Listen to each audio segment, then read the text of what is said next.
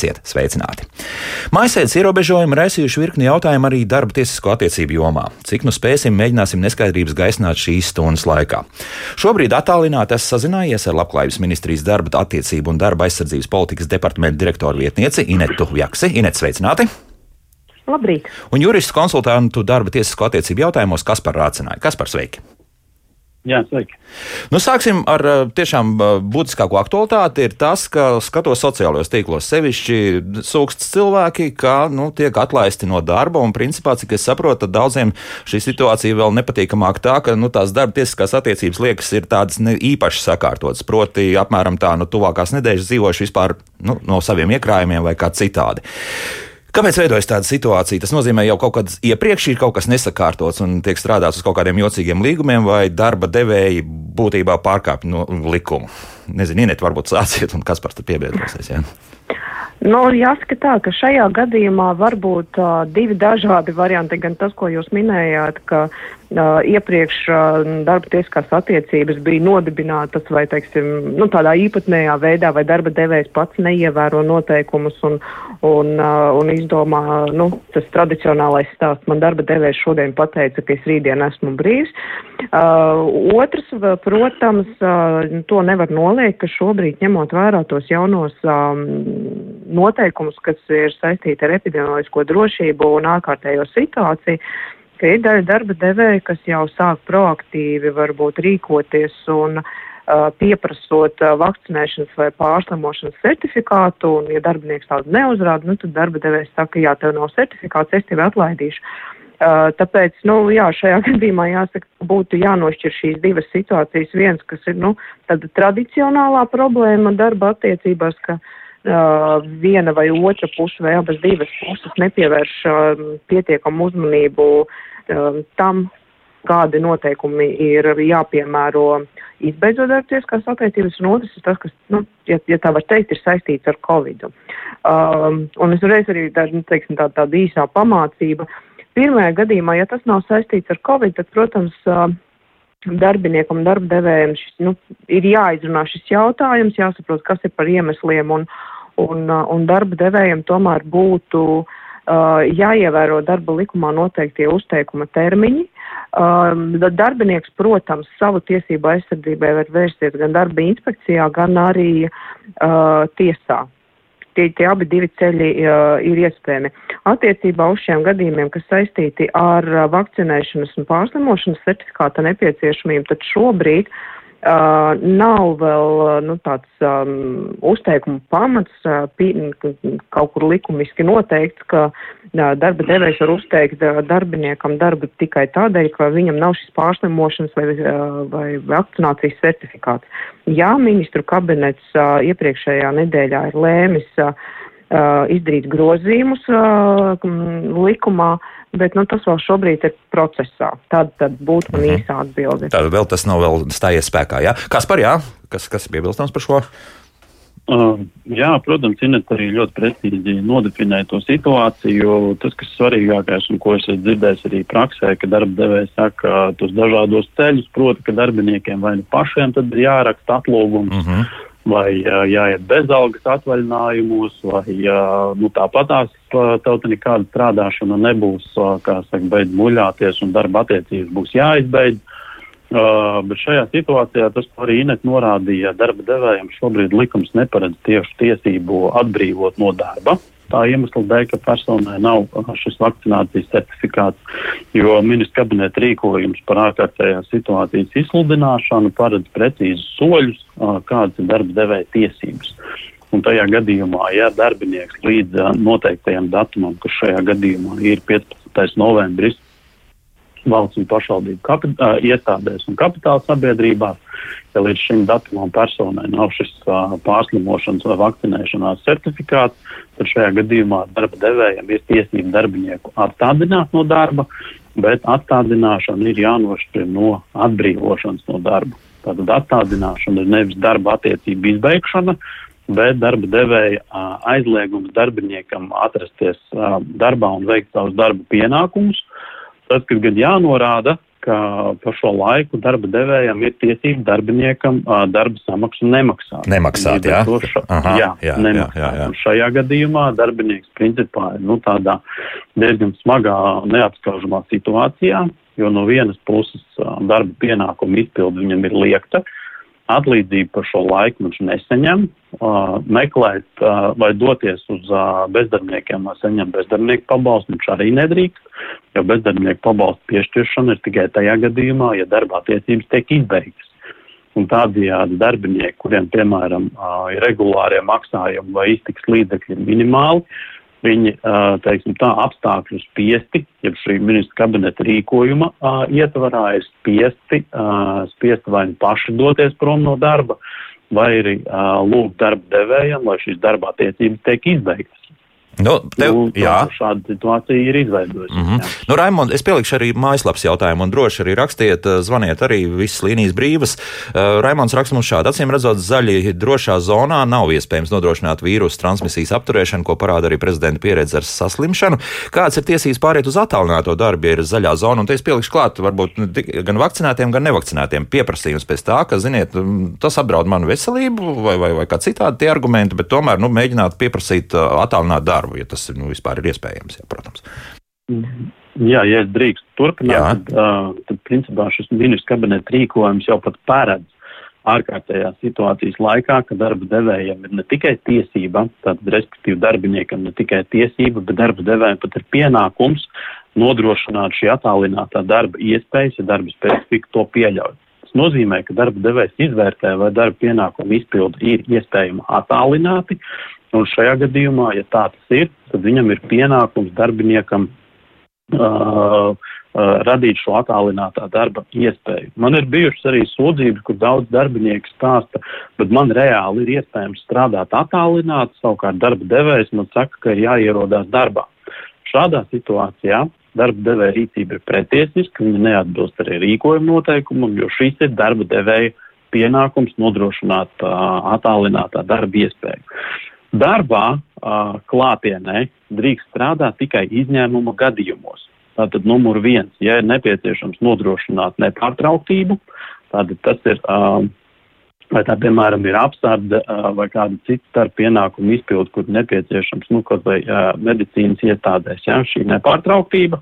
Uh, otrs, uh, un nevar veikt šo darbu attālināt savā dzīves vietā. Tad ar šiem abiem nosacījumiem ir jāiestājas. Jo var jau būt arī situācijas, ka tev ir nepieciešams darbu nodrošināt nepārtrauktību, bet tu to vari izdarīt attālināt. Nu, kā piemēram IT speciālistiem, grāmatvedība, juridiskie pakalpojumi. Mm -hmm. Šis viss ir lietas, kuras pilnīgi mierīgi var darīt arī attālināt.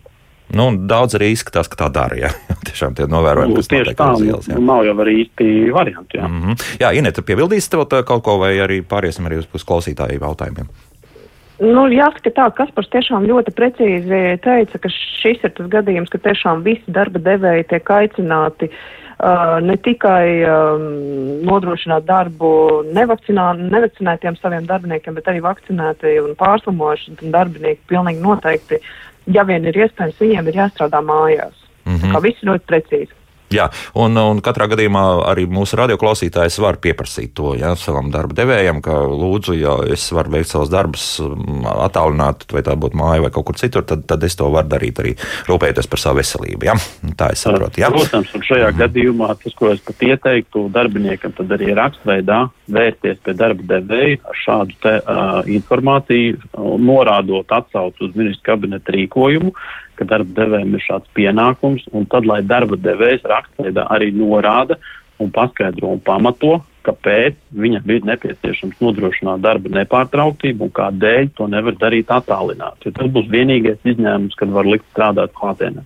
Un, jā, kas par labi tāds paskaidrojums tiek saņemts no darba devēja un tālāk, nu, ja tas man neapmierina šis paskaidrojums, ko es varu darīt, tad virzīties. Nu, tad, darba... tas būs, tad tas būs klasisks strīds starp darbinieku un darba devēju, un mm -hmm. tas, ko mhm. arī net sākumā minēja, arī šādi strīdi numur viens tiek pakļauti valsts darba inspekcijā inspekcija, piemēram, iepazīstoties ar darbinieku vai darba devēju paskaidrojumiem, var tomēr uh, censties vai nu darbinieku vai darba devēju pārliecināt, nu, šeit ir bišku interpretācijas kļūda, tomēr uh, vienam vai otram uh, vajadzētu piekāpties un saprast šo situāciju. Otrs risinājums ir, ja nu galīgi neviens neko uh, neklausās, nu tad šis ir jautājums jārisina tiesā. Mm -hmm. uh, protams, var rasties diskusija un veidosies, ja darbinieks, piemēram, uh, iecertīsies un uz darbu klātienē nenāks, tad šeit var rasties, ka darba devējs var uzskatīt, ka šī ir neataisnota prombūtne mm -hmm. un par šo darbiniekam nemaksās. Nu, šajā gadījumā, ja darbinieks vērsīsies tiesā un teiks, ka darba devējiem nebija pienākumu un nebija tiesību prasīt nodarbinātību klātienē, tad par šo a, prombūtnes laiku, ko darbinieks būs sēdējis mājās un gaidījis attālinātu darba iespēju, viņam būs tiesība prasīt arī atlīdzību par a, šo a, laiku. Mm -hmm. Tas arī jāņem vērā. Tā, paklausīsimies ar kādu klausītāju, un tad arī mājaslapas jautājumu. Jā, lūdzu, jūs varat jautāt. Halo! Halo. Labdien! Labdien. Man ir tāds jautājums, pieņemsim, nu, es tā kā uz pārbaudas laiku biju, nu, tā kā paņems, kā pirmie trīs mēneši ir pārbaudas laiks, ja? Un -hmm. tagad pieņemsim, nu, 50% tikai apmaksās, bet vai man darba devējs ir pārbaudas laikā tiesīgs uzteikt darbu. Es esmu vakcinēts. Viss, mm -hmm. pienāks, viss kā pienāks. Ja? Uh, jā. jā, jā, jā, bet vai viņš otru pieņemsim, ot, man ir tas pārbaudas laiks, pirmie trīs mēneši, ka var uz dienu atlaist. Mm -hmm. Vai tagad arī šī situācijā viņš var atlaist? Un kā ja pieņemsim arī pagājušajā gadā bija 50%, nu, simtprocentīgi apmaksāja. Tagad uzņēmums pasaka, ja, ja, ja pieņems otrdien laikam to lēmumu, uzņēmums nu, dos atbildi ja tikai 50% viņi laidīšot vaļā, tāpēc ka viņi otrs 50% nepiemaksāšot. Ach tā, jā, nu labi, jā, paldies. Jā, tagad sākam skaidrot, kas sāk. Ineta varbūt, jā? Um, es laikam sākšu. Jā. Tātad par pārbaudas laiku regulējums nav mainījies un arī šajā ārkārtas situācijas laikā ir piemērojams vispārīgais regulējums par to, ka jā, ja ir noteikta pārbaude, uh, tad pārbaudas laikā gan darba devējiem, gan darbiniekam ir tiesības rakstveidā uzteikt darba līgumu trīs dienas iepriekš. Un, uh, nu, līdz ar to tā ir tāda, nu, zināmā mērā rīcības brīvība darba devējiem šo trīs mēnešu laikā skatīties. Dar viņam darbinieks, nedara darbinieks, apmierina vai neapmierina. Un, um, Protams, likums ļauj darba devējiem uzteikt darba līgumu pārbaudas laikā bez kāda, nu, tāda nenorādot šo uzteikuma iemeslu, tomēr, nu, praksē tomēr ir jāsaprot darba devējiem, ka gadījumā, ja nu radīsies strīds un šis darbinieks, kurš tika atbrīvots no darba pārbaudas laikā, aiziet uz tiesu, tad darba devējiem būs pienākums pamatot, kāpēc šīs darba tieskās attiecības ir izbeigušās. Līdz ar to, mhm. nu, tik tālu, ka Vai darba devējs drīkst pārbaudas laikā uzteikt uh, darbu? Atbilde ir jā, drīkst. Mm -hmm, drīkst, jā, bet jāpaskaidro. Bet jāpaskaidro jā. Nu, teiksim tā, pirmajā solī var nepaskaidrot, bet nonākot tiesā, tas būs jāpaskaidro. Tomēr, jā, jā. Aha, tā. Jā, kas par ir kaut kas piebilstams, vai mēs. Uh, jā, šis jautājums varbūt sākotnēji liekas ārkārtīgi vienkārši, bet, uh, bet dziļāk rokot viņš ir diezgan sarežģīts. Kādēļ? Tādēļ, ka pareizi Zinēt runāja, ka darba, darba devējiem sākotnēji nav pienākums pamatot uzteikumu, bet tajā pat laikā šim uzteikuma pamatam ir jābūt, bet pārbaudas laika mērķis ir pārbaudīt šī darbinieka kvalifikācijas spējas un iespēju sadarboties ar šo darbinieku. Tajā pat laikā uh, pastāv dažādi viedokļi, un es uh, pārstāvu to viedokli, ka ja uh, pastāv citi, uh, kā tajā skaitā organizatoriski iemesli, kuru dēļ darba devējiem, piemēram, ir nepieciešams samazināt darbinieku skaitu, Šajā gadījumā darba devējs nevar izmantot 47. pāntu kā iemeslu, lai atbrīvotu darbinieku, apējot šo darbinieku skaita samazināšanas procedūru. Mm -hmm. Tas nozīmē, ka arī atbrīvojot darbinieku pārbaudas laikā, ja tiek veikta, piemēram, vai tā būtu skaita samazināšana, kolektīvā atlaišana, darba devējs nevar atbrīvot darbiniekus ar 47. pantu kā pārbaudi neizturējuši. Tas būtu uh, numur viens. Numur divi, tas, ko es dzirdēju no klausītāja, ka pateicies iemesls, kāpēc darba devējs grib atbrīvot, ir nevis tādēļ, ka viņš slikti strādātu vai uh, neatbilst ieņemamajam amatam, bet tādēļ, ka darba devējiem ir izveidojusies dīkstāve. Un uh, šajā nedēļā arī tiek skatīta MK uh, ministra kabineta noteikumi par tiem saucamajiem dīkstāvus pabalstiem, jeb atbalstiem darba devējiem dīkstāvus gadījumā. Un šajā situācijā, ko es dzirdēju, ka ja darba devējiem valsts maksās tur ierobežotā apmērā līdz 50%, tad darba devējs atlikumu negribēs maksāt un tāpēc tiks no darbinieka vaļā. Jā. Manā izpratnē šī situācija vairāk liecina par darbinieku skaita samazināšanu, ka darba devējs nespēja tikt ar šo galā, līdz ar to būtu jāiet pavisam cita atlaišanas procedūra. Mm -hmm. Un tā izskatās pēc tādas kolektīvās atlaišanas būtības. Ja? Vai nu atkarībā no tā, cik darbinieki tiek atbrīvoti, vai mm -hmm. arī jāveic darbinieku skaita samazināšana. Nu, jā, liekas, ka tur pa 50% kaut kāda bija runa, jā, ka pusi no, no darbiniekiem vispār tiek atlaisti. Jā.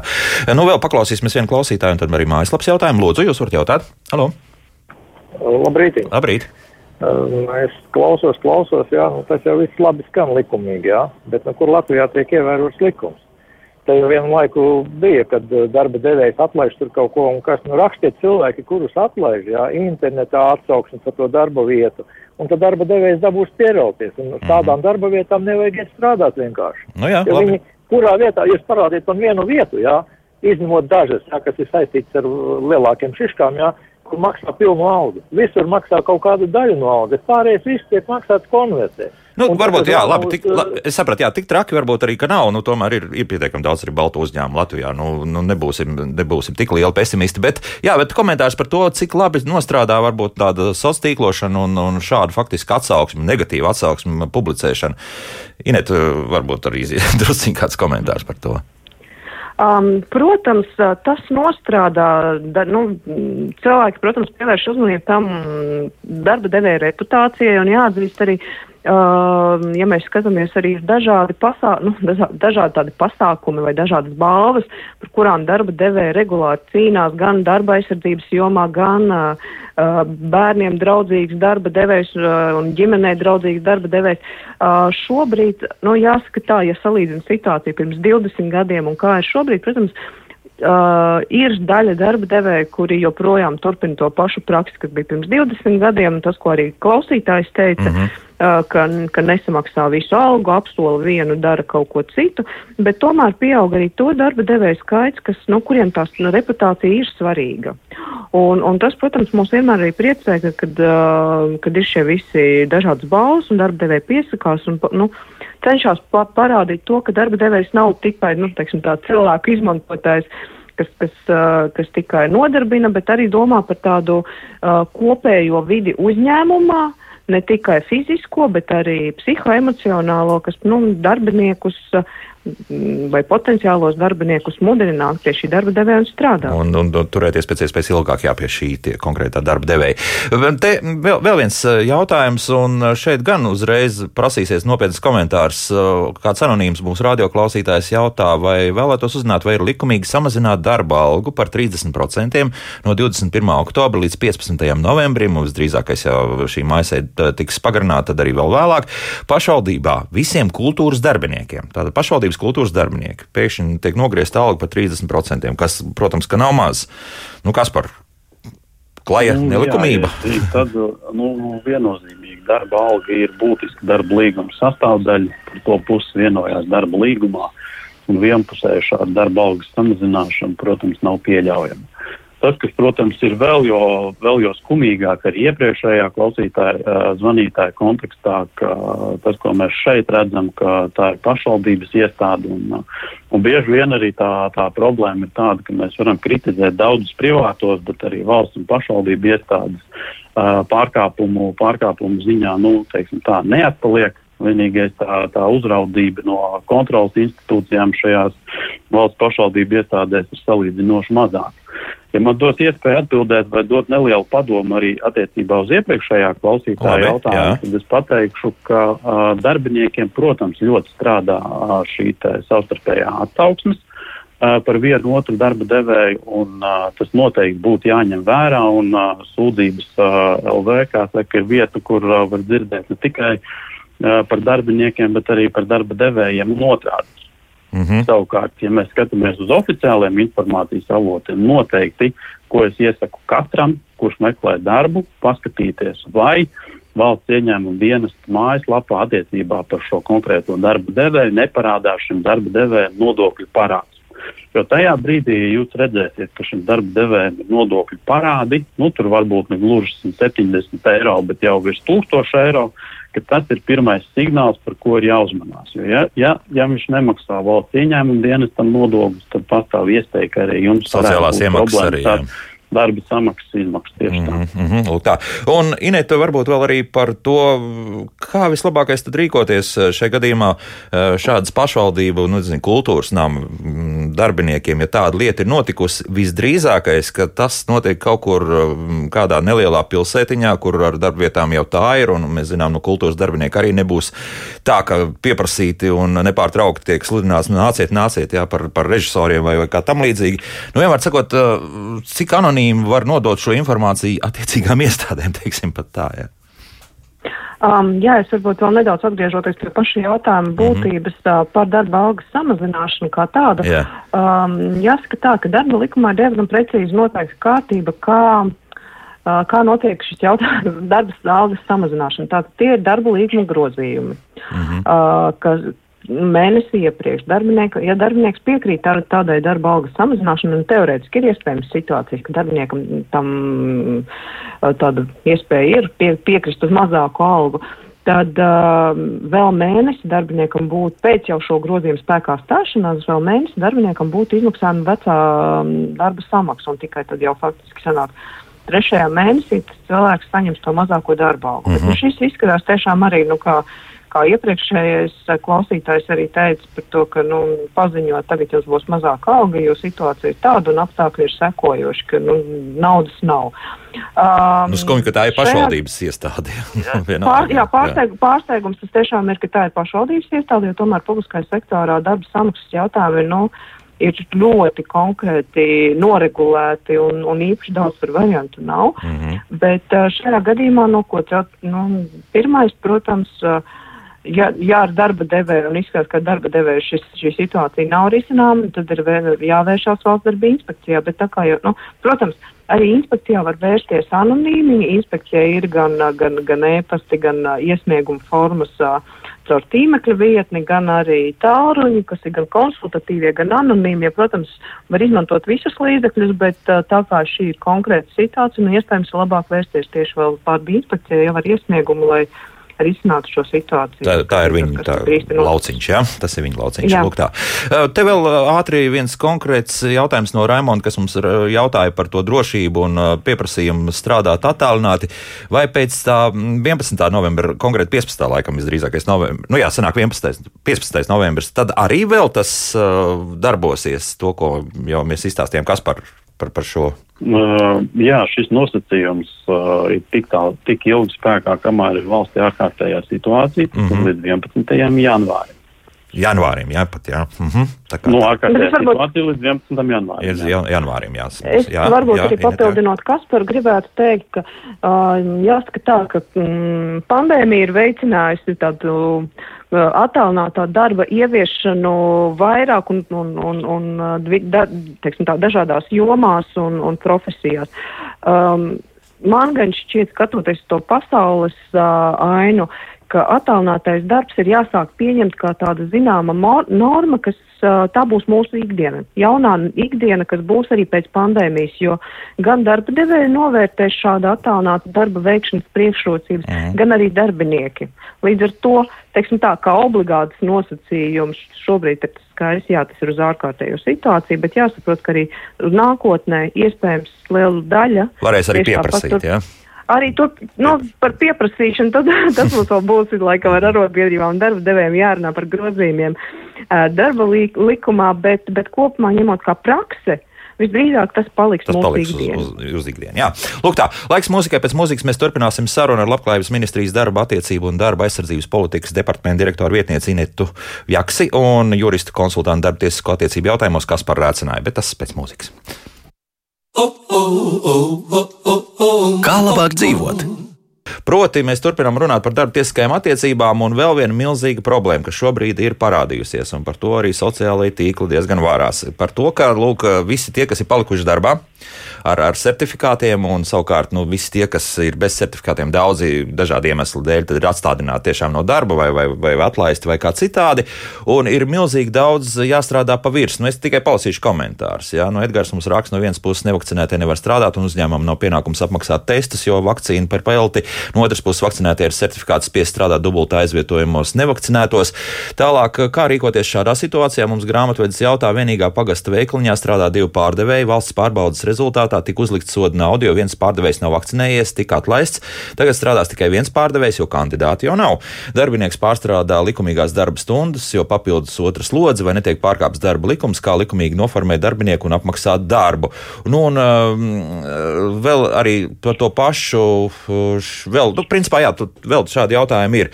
Tā kā tā, nu, tad sākam ar to ir virsstundas. Ja, un spriežot pēc visa, nemaz darba devējs pagaidām nesteidzas izmaksāt vēl papildus eh, pienākošo samaksu par šīm virsstundām. Cilvēks strādā divu cilvēku darbu, varbūt pat trīs cilvēku darbu un tā tālāk. Un tā tālāk. Nu, sākam laikam Inete, jā, tad pirmais komentārs par šo. Jā, tā tad eh, šajā situācijā atkal jāsāk pa solīšiem ļoti daudz dažādu variantu un risinājumu. Tātad, ja vien iespējams, darba devējiem būtu jāmēģina pārorganizēt savus darbus, tomēr, lai tie cilvēki, kas tiek nodarbināti, kas strādā, nestrādātu virsstundas. Nu, teiksim, ir iespējas samazināt darba laikus, nu, teiksim, veikalam vai, vai kaut, nu, tad mēģina elastīgi kaut ko atrast variantus. Ja tas nedarbojas un ja to nevar izmantot, tad, protams, ir uh, virsstundu jautājums aktuāls un šeit gan jāņem vērā to, ka darbinieks, darbiniekam ir jāstrādā virsstundas tad, kad tam ir notikusi vienošanās ar darba devēju. Uh, to arī likums pasaka, uh, un uh, likums arī paredz to, ka darbiniekam ir tiesības par virsstundu darbu saņemt um, piemaksu, kas ir 100% apmērā. Nu, šajā gadījumā varbūt tāds nedaudz nereālāks variants ir uh, atpūtas izmantošana, jo kādreiz darba likums tādu iespēju nedēva, ka virsstundas var kompensēt ar atpūtu. Šobrīd arī tas ir, bet, nu, teiksim tā, šajā gadījumā ar Covid un to, ka ir pietrūks darbinieku, nu, diemžēl atpūtas piešķiršana diez vai būs risinājums. Faktiski, mm -hmm risinājums ir virsstundu apmaksa atbilstoši likumam 100% apmērā. Mm -hmm. Tā tam jābūt, un uh, lūk, līdz ko tas nenotiek, tā mēs varam uzskatīt, ka ir normāla darba tiesisko attiecību, kā saka, pār, likuma pārkāpums. Ja? Jā, jā. jā. Mm -hmm. Tā. jā Kaspar, ir kaut kas piebilstams, vai te viss ir mm, it kā skaidrs? Jā, protams, jā? šajā it kā viss liekas ārkārtīgi vienkārši un likumā viss skaisti atrunāts, tajā pat laikā, kas ir jāņem vērā darbiniekam. Tātad darbiniekam būs jāņem vērā, ka pat ja viņš ir strādājis, piemēram, 12, 14 stundas, bet darba devējs darba algas lapiņās būs ierakstījis, ka viņš strādājis ar 8 stundas, šajā situācijā būs strīds. Jo ne jau darba devējs uh, nemaksā tāpat vien, darba devējs droši vien nemaksā tādēļ, ka viņš arī šīs stundas nav uzskaitījis. Līdz ar to darbiniekam šajā situācijā ir jārūpējās par to, lai viņš varētu strīda gadījumā pierādīt, cik stundas ir strādājis. Nu, piemēram, ja veikals strādā no pulksten 8 līdz 8, 12 stundas, tad uh, un, uh, darbā, darba attiecībās ir tikai viens darbinieks, nu, tad, protams, šajā gadījumā radīsies jautājums darba devējam, kā tas ir iespējams, kurš tad ir strādājis atlikušās stundas, ja jūs parādiet, ka darbinieks strādājas tikai 8, kaut gan veikals ir vaļā 12 stundas. Ar jebkādiem pierādījumiem darbiniekam ir jācenšas savākt tādu kā mapīte, vai tie būtu uh, grafiki, vai tie būtu ierašanās aiziešanas žurnāli, iespējams kaut kādi čipi, kur uh, ienāk darbā, pēc tam iziet ārā video novērošanas kameras, uh, klienti, apmeklētāji, uh, pilnībā jebkas, kas var pierādīt to, ka viņš ir šo, šīs noteiktās stundas strādājis. Un tad jau attiecīgi ar šiem pierādījumiem viņš varēs iet uz tiesu un tiesas ceļā piedzīt atlīdzību par, par šīm stundām. Mhm. Jā, protams, bet, jā, jā, jā. jā. Jā, ne, protams, ne, protams nu, kas par jāturpina. Gribēju, gribēju teikt, ka ministru kabinets šajā situācijā izdodot šādu rīkojumu, uh, ir nonācis pie situācijas, ka principā nav līdz galam arī izvērtētas tās ekonomiskās sekas, kādas veidosies, un, un, un cerībā ar to, ka tagad darbinieki visi nobīsies, no, pazaudēs darbu un tāpēc ies vakcinēties.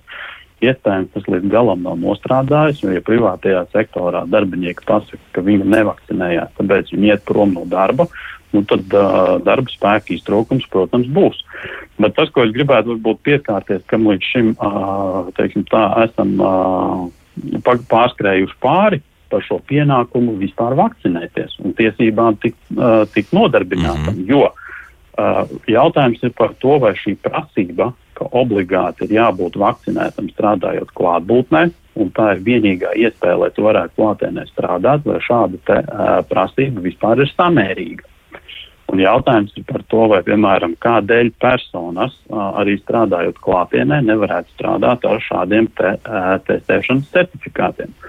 Tas ko, tas, ko paredz rīkojums, kā valsts un pašvaldību institūcija kapitāla sabiedrību darbiniekiem līdz 15. novembrim ir jābūt vakcinētiem, pretējā gadījumā viņi nevarēs strādāt. Šī norma pēc būtības neparedz vispār nekādu izvērtējumu iespēju. Tas nozīmē, ka neatkarīgi no tā, vai tu uh, ar klientiem, apmeklētājiem, darbiniekiem saskaries vai nesaskaries, ir obligāti vakcinēšanās pienākums. Arotbiedrības savienība ir norādījusi, ka šāda absolūta prasība, neparedzot izņēmumus, viņa ir nesamērīga un neatbilstoša mūsuprāt arī satversmei, mm -hmm. jo šādajādi tiek ierobežotas tiesības strādāt arī personām, kuras ir veselas, kuras to varētu pierādīt arī ar certifikātu. Tāpat, ja mēs runājam, ka ir pienākums visiem strādāt attālināti, nu, tad rodas jautājums, kāpēc, piemēram, tie, kas valsts pārvaldē nodrošina pakalpojumus attālināti, vai tie paši IT, grāmatvedība vai citi speciālisti, ja viņi var strādāt attālināti, kāpēc pēc 15. novembra viņi tiek atstādināti no darba pienākumu izpildes. Mūsu izpratnē šis ir nesamērīgi. Ja mēs paskatāmies, piemēram, kādas ir pienākums privātajiem, privātajiem ir pienākums izvērtēt katra darbinieka darba specifiku, tos apstākļus, lai viņš saskarās, nesaskarās ar klientiem, apmeklētājiem, Un tur šis izvērtējums ir paredzēts. Mm -hmm. Publiskajam sektoram Ne, un viss, jā. tāda nav. Mm -hmm. Tieši tā. Bet, eh, pagaidi, Kaspar, bet uh, tomēr tas satversmes tiesas lēmums, eh, tas nekādi neietekmē šo situāciju? Nu, par kuras satversmes tiesas? Tur, tur par to, ka tomēr, ka drīkst, ka drīkst gan, gan atlaist, gan arī, ka principā, ka tas darbojas. Nu, bija kaut kad vasarā viens no tiem, it kā bija skaidrojums ja es pareizi atceros. Nu, par satversmes tiesas lēmumu diezgan vai šāds varētu būt, vismaz man informācija tā nav. Mm -hmm. Iespējams, uh, Elta runā par to Čehijas cilvēktiesību tiesas spriedumu, par to bērnu vakcinēšanu, par obligāto vakcinēšanu vai... Nē, mūsu paši Latvija liekas, ka, bet tagad es tiešām es varbūt peldu drusciņā, bet, bet liekas, ka bija jā, kaut kas tāds varbūt tā, tā, tā, tā arī ir, ka sanāk peldēt, bet mm -hmm. tas, ko es gribētu vērst, varbūt sabiedrības uzmanību, ka šajā nedēļā ministru kabinetam rīkojumam ir uh, precizējums ar 5-7 prim 1 punktu, kas paredz, ka no 15. decembra darbiniekiem, kā arī brīvprātīgiem, kas strādā, bet kuri nav minēti 5-7 punktā, nu 5-7 punkts ir tas, kas liek darba devējiem pienākumu izvērtēt, vai darbiniekam strādājot klātienē ir vai nav jābūt ar certifikātu. Tātad, ja ir sākotnēji viņš izvērtējis, ka Andrim Milzē Zanē ir jābūt ar certifikātu, tad, piemēram, Elvim Inetai Kasparam viņi varētu strādāt bez. Mm -hmm. Bet tas, ko paredz šīs izmaiņas, ka arī pēc tam Kasparam, Elvim un visiem pārējiem no 15. decembra darba pienākumu klātbūtnē nepieciešams vakcinācijas vai pārslimošanas certifikāts. Tas nozīmē, ka pēc būtības visiem, kuri strādā klātienē no 15. decembra, ir nepieciešams certifikāts. Un jautājums arī, cik šī norma ir uh, adekvāta, ja tā neparedz iespēju strādāt, uh, strādāt piemēram, arī testētajiem.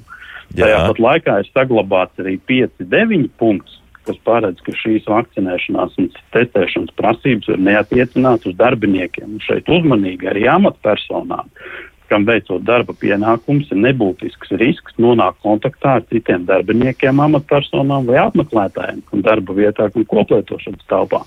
Līdz ar to šeit ir vesela virkne dažādām pretrunām un absurdumiem šajā mm -hmm. ministra kabineta rīkojumā. rīkojumā. Nu, jā, nu, varbūt par ātru uztaisīts, un, un šeit kaut kāds risinājums, tad ir iespējams tiesa darba pēc tam, jā, visdrīzākais. Jā, šajā gadījumā tieši tā, Elvi, tad uh, tie darbinieki, Īpaši es vēršu arī uzmanību valsts un pašvaldību kapitāla sabiedrības, kurām nav šī izvērtēšanas iespēja, bet kuri, piemēram, varētu pierādīt, ka gadījumā, ja šāds izvērtējums būtu, varētu secināt, ka viņiem nekāda būtiska riska nav. Tad šajā, šajā gadījumā viennozīmīgi uh, iet uz administratīvo tiesu un apstrīdēt šo ministru kabinetu rīkojumu. Mm -hmm, labi, jā. Inet, būs kaut kas piebilstams par to arī, ko Kaspars nu pat teica. Nu, to rīcības modeli, ko Kaspars minēja, to, to tiešām cilvēki var izmantot, Jā. ja, ja vien tāda vēlme ir, bet jāsaprot, ka šis ir. Uh, šī ir ārkārtas situācija, un uh, ministru kabinets un ministri politiski ir lēmuši, ka šāda veida prasības tiek izvirsītas. Mm. Protams, nu, uz tiesu aizliegt mēs nevaram nevienam aiziet, tā, tāpēc Nu, ja, ja kāds uzskata, ka viņa tiesības tiek aizskartas, nu, tad, protams, tiesu darbi. Mums gan uzreiz pārmet, ka mēs tagad reklamējam to nevakcinēšanos, nu, bet tās ir tiesības gal galā. Un, un kas pats tikai norādīja uz, uz tiem melniem caurumiem, kas, kas šajā gadījumā pēc ministra kabineta rīkojuma ir parādījušies, ja, un kas var iesaukt tiesiskās darba, tiesiskās attiecības visā tajā melnē caurumā iekšā. Nu, paklausīties, klausī, klausītāji, jā, lūdzu, jūs varat runāt. Labdien! Labdien! Šeit trau, traucē no Rīgas. Jā. Es no patās dzirdēju jūsu runu. Vienkārši sakot, tie ir idioti, kuri negrib potēties. Mm -hmm. Tie tautas ienaidnieki. Nu, labi, nepārspīlēsim. Jā, paldies. Mēs, mēs tagad runājam par kaut ko citu. Ir jāņem vērā, ka cilvēki mums ir dažādi. Diemžēl nu, tā tas ir izveidojies. Daudz tagad jautājumu šobrīd mājaslapā, bet es vēl gribētu pajautāt vēl par to veikaliņu. Proti, ja, jā, ja mēs fiksējam stundas, ko veikala pārdevējs, tur tieši šis lauku veikals labs piemērs ir, bet ja arī šim pārdevējam tagad ir jāstēpa papildus vēl arī kastes un daudz citas lietas, ko piemēram, krāvējs varētu darīt. Nu, es tā tagad fantazēju, ja? bet eh, vai, vai, kā to vēl varētu fiksēt? Tagad es gribētu pajautāt, jo, jo viens ir laika fiksācija, otrs ir tas, ka papildus darbi vienkārši parādās tajā pašā laikā. Tur varbūt arī tās astoņas stundas arī normāli nostrādā, bet patiesībā strādā krietni vairāk. Redz, tas, ko... lieta, jā, Ienet, jā, jā. Um, jā, varbūt pat, nu, tas, ko arī Kaspars teica, tātad.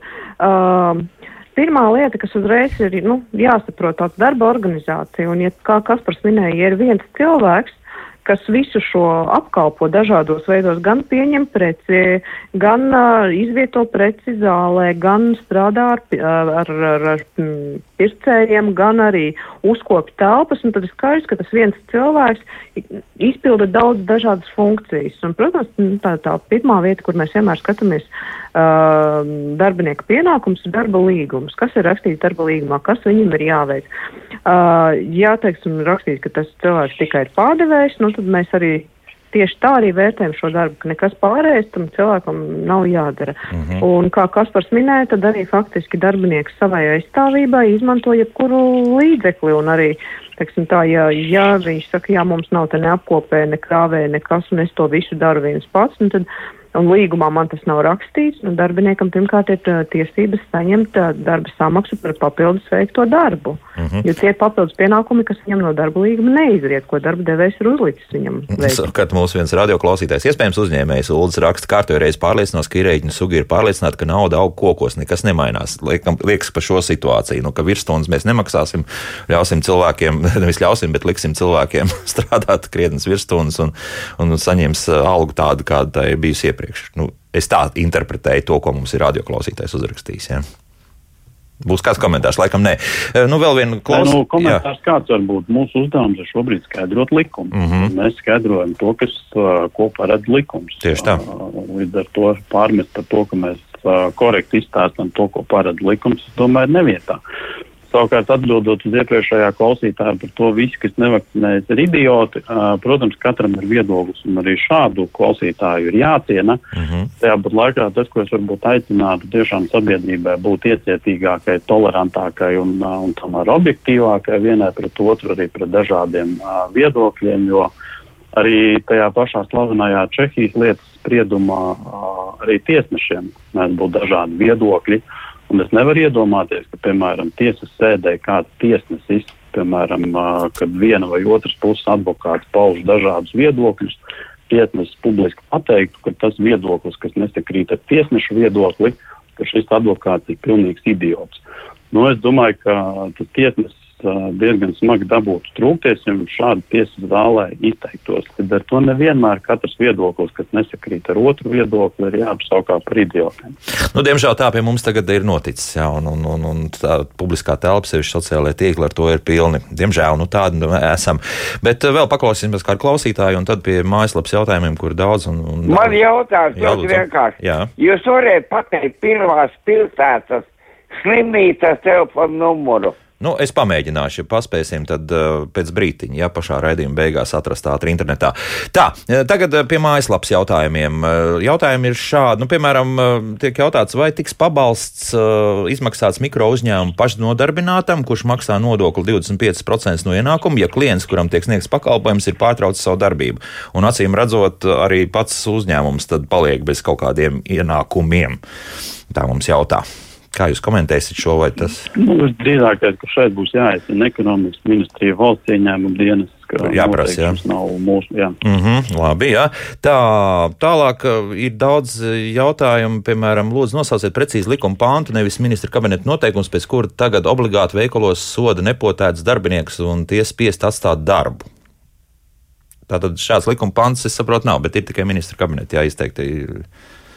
Nē, nu ir jautājums par to, ko, no, ko cilvēks arī saprot ar vārdu soda, jo nu, darba attiecībās soda naudas nav nekāda veida, un mm -hmm. darba attiecība izbeigšana šobrīd ir uh, noregulēta darba likumā, līdz ar to darba devējiem, ja darba attiecības tiek izbeigtas, ir jāpiemēro darba likumā noteiktie pamati. Nu, mm -hmm. Šobrīd nekāda cita izņēmuma pagaidām nav. nav. Jā, jā, protams, ministru kabinets ir pieņēmis grozījumus uh, Covid-19 infekcijas izplatības pārvaldības likumā, kas ir nosūtīti saimai. Nu, tad, kad saima lems, nu, tad, tad arī nu, tā situācija iespējams mainīsies. Hmm. Tā, nu, te vēl viens jautājums, vai valsts un pašvaldības darbinieks bez certifikāta var attālināt strādāt visu laiku līdz 11. janvārim, vai darba devējiem ir pienākums no 15. novembra to viņam liekt? Tā mums Inga jautā. Nu, šobrīd Jā. imperatīvi rīkojums nosaka šo datumu 15. novembris. Nav paredzēts kāds izņēmums. 15. novembris ir tas beigu datums. Mm -hmm. Jā, kas par? Kaut kas... Jā, nu šeit ir tieši tas, ko es arī minēju, ka 15. datums ir līdz kuram jābūt vakcinētiem un nevērtējot to, vai cilvēks strādā klātienē attālināti, vai viņam ir risks kādu, kādu aplipināt vai pašam saslimt. Mm -hmm. Tā, uh... Ko mums vēl jautā? Mm, nu, jā, grāmatvedis raksta, veikala vienīgais darbinieks eh, dara verga darbu, jo darba laika samazināt nevar. Pēc tam jāuzklausa pircēja negācijas un draud nevakcinētiem cilvēkiem. Nu, lūk, arī šādas lietas notiek. Nu, tā, tā pie mums tagad ir. Tie laikam arī nekādu komentāru vairāk nav. Tā kā vēl viens paliec un plus vēl tev visam, vēl visas pārējās negācijas mm, baļas pāri. Tā, mm, te diezgan daudz kas par ir komentāri par, par vakcināciju, nevakcināciju. jā, tā ir. Bet, bet, um, Vai ir tiesības darbiniekam prasīt kompensāciju par strādāšanu mājās, internetu pieslēgumu, elektrību un tā tālāk? Šādi jautājumi atkārtojas mājaslapā. Um, jā, šobrīd uh, darba likums paredz iespēju m, to, ka darbiniekam arī, veic, ja viņam rodas izdevumi, un ja par šiem izdevumiem ir notikusi vienošanās ar darba devēju, tad uh, darba devējs var sekt, ka nu, teiksim, tas, kas saistīts ar uh, telekomunikācijām, internetu, tos izdevumus, tā kā droši var to sekt. Protams, ja tie izdevumi varbūt nav tik būtiski cilvēkam saistībā ar attālināto darba veikšanu, likums paredz arī otru iespēju, ka var vienoties, ka nekas netiks sekts. Bet mm -hmm. tas ir, protams, vienošanās jautājums ar darba devēju, kādi izdevumi ir radušies un, un kādus izdevumus konkrēti pats sēdz. Mm -hmm. Jā, kas par vēl šeit piebilstams, es zinu, ka mēs jau esam par to runājuši diezgan daudz arī raidījumā, kā labāk dzīvot, bet varbūt vēl kaut kādas nianses jā, par šo attālinātu. Jā, tā būtiskā lieta ir par to, ka šie 76. panta grozījumi paredz iespēju vienoties par šiem papildus izdevumiem, kas darbiniekam rodas, bet runājot par darba aprīkojumu, vai tas būtu dators, printeris, galds, monitors, šos pienākumus, šos izdevumus darba devējs nedrīkst uzlikt uz darbinieku pleciem. Savukārt, ja puses vienojās, ka darbinieks izmanto savu inventāru, tad ir jāvienos arī par šiem uh, amortizācijas izdevumiem. Mm -hmm. Vēl viens jautājums, ko darīt, ja telpas ziņā nav iespējams strādāt attālināti? Bērniem dators, vīram dators un jau četriem datoriem tā īsti rūmas nav, un darba devējs neakceptē strādāšanu darba vietā, un darbinieks ir vakcinēts un vesels. Turklāt darbs reizēm ir sarežģīts un vajag klusumu, un darbs tomēr prasa rezultātu, bet visā troksnī nevar darbu ātri izpildīt. Ko īsti darīt? Tev būtu pretēja situācija. Ja mums bija vairāk, kas prasīja, kā tieši nonākt līdz attālinātam darbam, tad šeit, eh, laikam, cilvēks tomēr vēl strādāt kaut kur, bet ne mājās.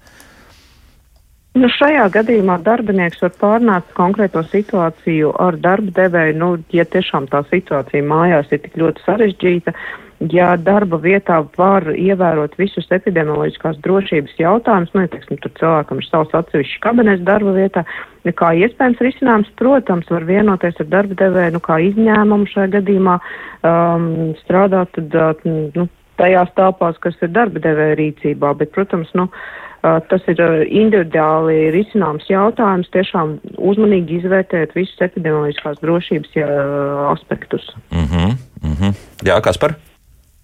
Nu, jā, Inês ļoti, ļoti labi pateica, tieši tāda arī tā situācija ir, ka šis būs izņēmums no vispārējās kārtības, un šobrīd šī vispārējā kārtība paredz obligātu pienākumu strādāt. Kā saka, darba devējiem ir nērtības, savas nērtības jāpiecieš arī darbiniekam, bet ja objektīvi iemeslu dēļ tiešām tas nav, to nav iespējams izdarīt. Nu, tad, tad ir šī uh, atkāpe, par ko Inês minēja. Mm -hmm. te arī vēl viena situācija, ko Dārts mums apraksta. Veikalā trīs pārdevējs nav vakcinēts, kā organizēt darbu neatlaižot. Jaunas darbinieks arī nevar meklēt, aizsūtot pašreizējā dīkstāvē.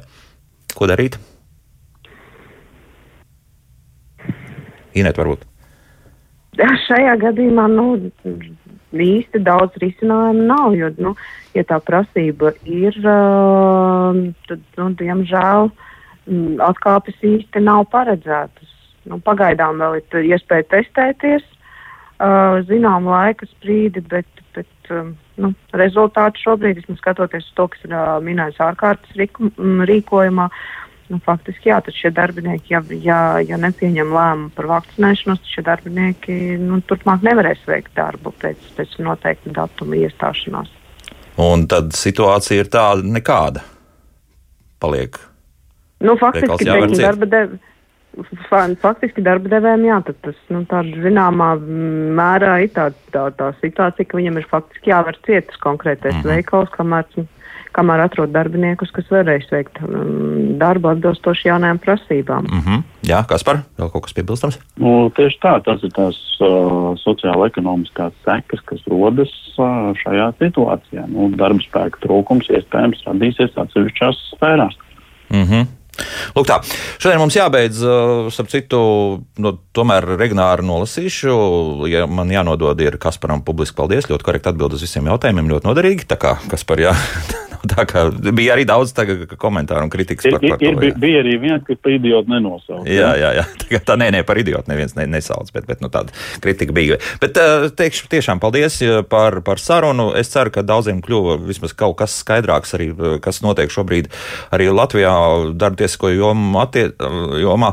Un saku paldies juristam konsultātam darba tiesisko attiecību jautājumos Kasparam Rācinājām un Labklājības ministrijas darba attiecību un darba aizsardzības politikas departamenta direktora vietniecei Inetei Vjaksē par sarunu. Paldies! Paldies par piedalīšanos. Un uh, kungam, kas zvanīja par pirmo slimnīcu, nu, tad tas tālrunis tur ir šāds - 67, 366, 323. Tātad 67, tālāk ir 366. 323. Nu, ja atcerieties, paspējat pierakstīt, tad viss ir kārtībā. Zvaniet, tas ir vienotais info centrs viņiem. Jaukdien visiem, man tā!